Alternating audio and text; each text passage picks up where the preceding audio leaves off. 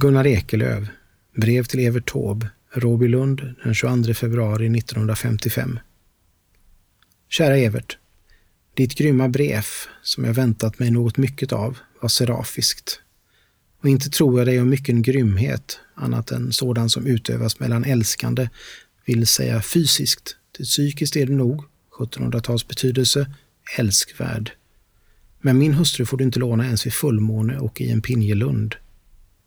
Mitt ben är inte vad du tror. Efter ett samtal i Firenze med en överste Kreitmeier, en av Rommels närmaste, svängde jag på klacken så våldsamt för att gå därifrån att nämnda klack slant på hallens vaxade stengolv och jag föll så olyckligt att jag fick fotknölen och tibiabenet mellan mig och ändan.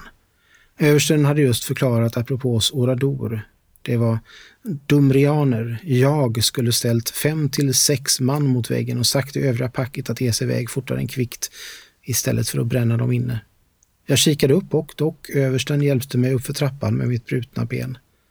Sedan, dagen efter, det ganska underbara Clinico Ortopedico Toscano, där patienterna tände cigaretterna åt läkarna medan de jobbade och en med bäckenbrott i korridoren stönade och en liten kille med gipsad hand gjorde sympatiska grimaser åt mig medan de la foten till rätta.